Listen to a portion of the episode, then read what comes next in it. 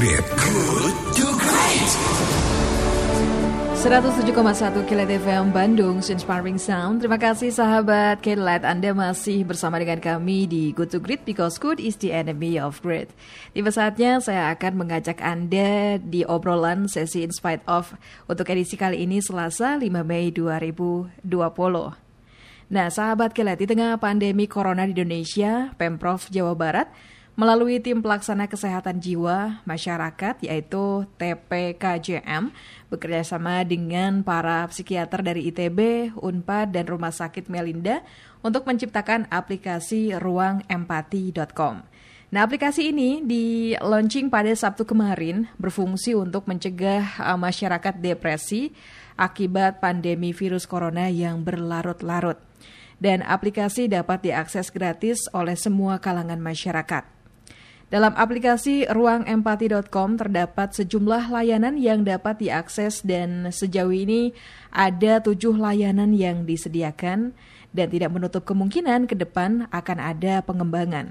Nantinya masyarakat yang membuka aplikasi itu akan diberi sejumlah pertanyaan untuk untuk mengetahui apakah uh, dirinya mengalami gangguan kejiwaan ataukah tidak.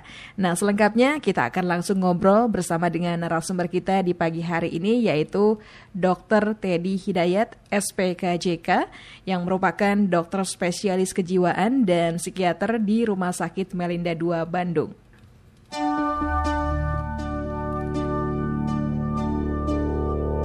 In spite of. In spite of. Halo, selamat pagi dokter. Selamat pagi, Mbak Apa kabar dokter Teddy? Alhamdulillah, Alhamdulillah masih sehat. Sehat ya dok ya? Iya, dokter belum berangkat tugas dok pagi ini? Nah, pagi ini kan harus tugas dari rumah. Oh iya, work from home, tetap, tetap efektif ya dokter ya? Prakteknya sore. Oh gitu. Baik, dokter kita ngobrol-ngobrol dulu nih di Inspite of bersama dengan sahabat Kelight. Dok, yeah. ini di tengah menghadapi pandemi corona, banyak sekali masyarakat yang terdampak, terutama Betul. di sektor ekonomi ya. Uh, hal itu tentu memicu uh, psikis seseorang. Uh, ya. Anda beserta kawan-kawan menciptakan sebuah aplikasi bernama ruangempati.com. Nah, sebagai edukasi, boleh dong dijelaskan pada kami apa itu ruangempati.com? Silakan, dok. Uh, jadi ruang empati.com itu merupakan sebuah aplikasi yang kami dengan teman-teman tadi sudah disebut uh, buat di mana aplikasi apa latar belakangnya ya tentu ketika kita bulan apa dua bulan yang lalu mm -hmm.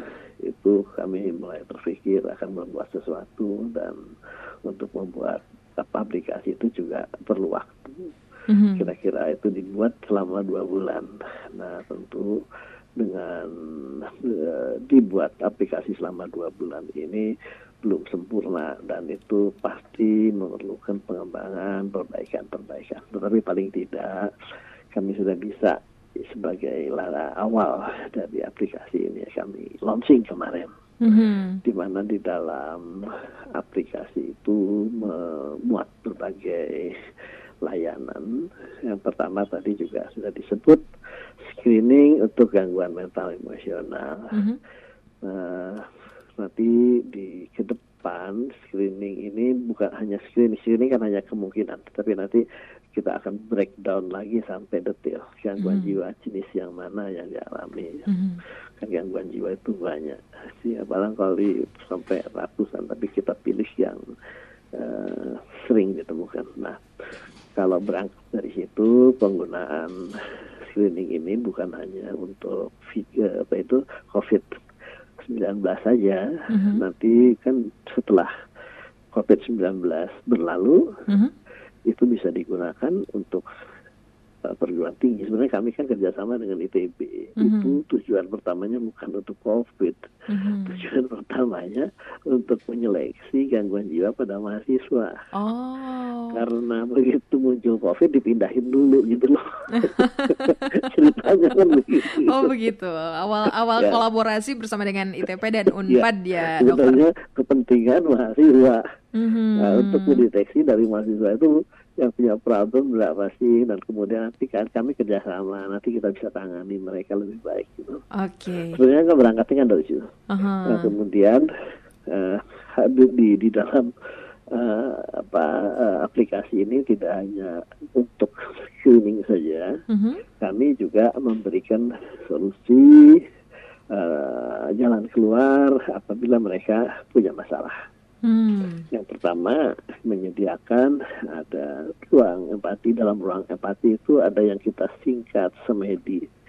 Semedi itu singkatan dari ya menja apa tidak sendirilah ada pendamping dirimu gitu ya. Oke. Selalu mendampingi dirimu. Itu tagline-nya ya. Ruangempati.com Iya. selalu Nah, mendampingi itu dirimu. Waktu Aha. awalnya sebenarnya itu sudah sudah sudah jalan sejak satu bulan yang lalu. Mhm. Ini duluan nih yang ini duluan dan dil- dilayani melalui Instagram.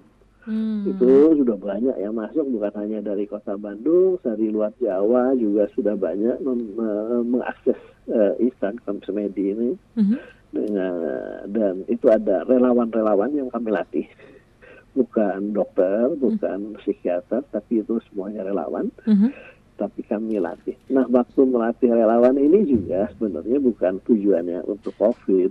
Mhm. Kami melatih mental health first aid atau Oh. pertolongan pertama pada gangguan jiwa. Mhm. Jadi pada masyarakat pada baik di perguruan tinggi maupun di masyarakat kalau mereka punya gangguan jiwa eh, apa sih pertolongan pertama yang bisa diberikan? Nah, Oke. kami sebenarnya melatih mereka relawan ini itu nah begitu ada konflik ya kita tinggal pindahin gitu. Mhm. Nah itu sudah jalan lah selama eh, satu bulan. Kami launching waktu itu 1 April. 1 April. Kemudian di dalam eh, itu ada art psikoterapi. Artinya psikoterapi seni. Oke. Apa, Apa itu, Dok? itu Mhm. psikoterapi itu memang masih belum banyak populer.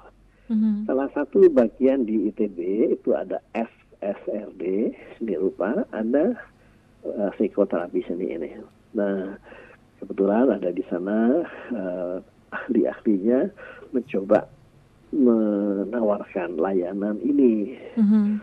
Nanti eh, psikoterapi ini akan melayani mengatasi berbagai kecemasan dan segala macam. Mhm. Iya. Eh, layanan lain yang ada itu manajemen stres. Manajemen stres mengatasi stres yang dialami harus seperti apa. Mhm. Salah satu yang menarik barangkali ada yang namanya mindfulness eh, meditation. Ini bangsis dari Prof. Profesor Dr. Lukhet Suryani dari Bali Udayana. Mhm. Beliau memang ahli dalam meditasi. Meditasi ya. Mhm. Betul. Cuma kemarin saya nggak tahu ya sudah masuk belum karena ada lagu yang lagunya harus ada izin dulu tuh. Oh, buat ini ya, buat menambah meditasi ya. Ah, buat fokus. relaks- Buat- relaksasinya udah masuk. Oh yang gitu. itu-. Tapi akan disusulkan pasti lah itu. Oh gitu ya. Karena ya. kami punya aplikasi bukan untuk jangka pendek. Memang memang untuk jangka ke depan jangka panjang. Meskipun nanti Mhm. COVID ini sudah selesai nanti ya untuk Tetap bisa digunakan dimanfaatkan oleh masyarakat ya. tinggi atau di dunia kerja. Oke, dokter ini Kemudian eh, ada lagi mhm. psikoedukasi, eh, psikoterapi, tele, psikoedu, eh, psikiatri. Jadi kalau dari relawan itu mendapatkan kasus yang sulit, kasus Mhm. yang perlu penanggulangan lebih jauh, mereka akan dirujuk ke psikiater di rumah sakit Merinda. Oh. Ya kurang lebih kayak gitu lah muter-muter. Ya, dokter ini kan eh, sudah di launching pada Sabtu kemarin ya. Ah, ini Ah. dampaknya sejauh ini bagaimana dan sudah banyakkah masyarakat yang memanfaatkannya, dokter? Nah, kebetulan kalau teknis segala macamnya ada di ITB ya. Mhm. Saya saya kan dari mengisi dari psikiatrinya. Mhm. Jadi laporan terakhir nih saya belum tahu persis juga. Oke, ke rekan-rekan ITB ya, karena ini memang kerjasama bareng Tapi ya, dokter. apa-apa. Jadi Mhm. kami sih fokus saja dengan program kami. Kami lengkapi, kami sempurnakan kekurangannya. Dan kalau memang ada yang mau memanfaatkan, monggo gitu. dan saya kira di Indonesia rasanya belum banyak ya yang seperti Mhm, ini, yang betul. memang khusus seperti ini. Mhm. Iya, Eh, dokter ini bagaimana sistem dan mekanisme kerjanya jika warga ingin mengakses atau memanfaatkannya? Apa yang mesti Nah, dilakukan? itu dia tuh. Itu dia saya paling bingung tuh jawabannya itu saya kan gaptek.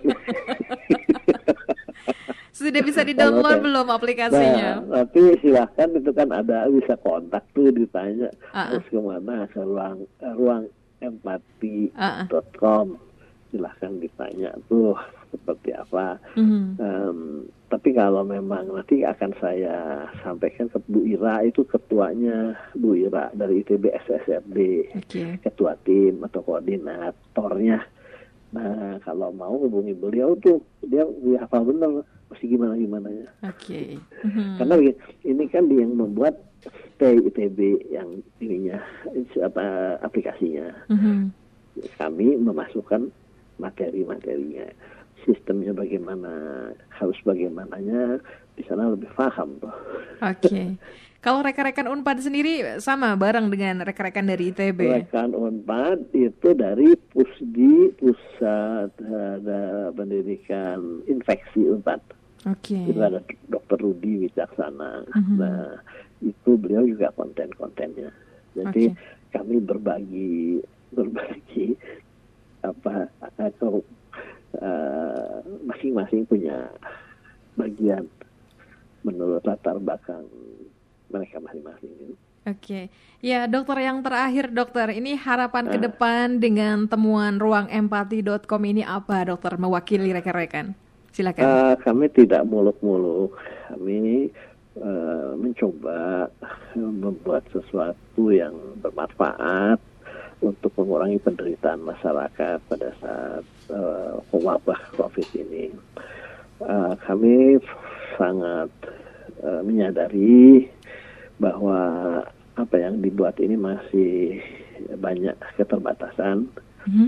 karena eh, yang mensupport ini juga nggak tidak kami kami saja gitu Mhm. dari PB sebagian dari kami sebagian dan untuk membuat suatu aplikasi yang kuat besar itu kan butuh biaya anggaran yang besar Oke, dan itu kan kalau tadi harapannya kalau ada yang mau eh, membantu ya itu terbuka ya untuk relawan. realistik aja lah kami nggak nggak nggak muluk-muluk baik, baik, baik. Dokter Teddy, terima kasih untuk Iya, obrolan pagi hari ini. Insya Allah ini bermanfaat sekali bagi kami. Oh. Ya, sukses dan sehat untuk Anda, dokter. Iya. Selamat pagi. Ya sahabat, kali demikian perbincangan kita mengenai cegah depresi akibat dampak COVID-19 dengan ruangempati.com bersama dengan Dr. Teddy Hidayat, SPKJK, dokter spesialis kejiwaan dan psikiater dari Rumah Sakit Melinda II Bandung.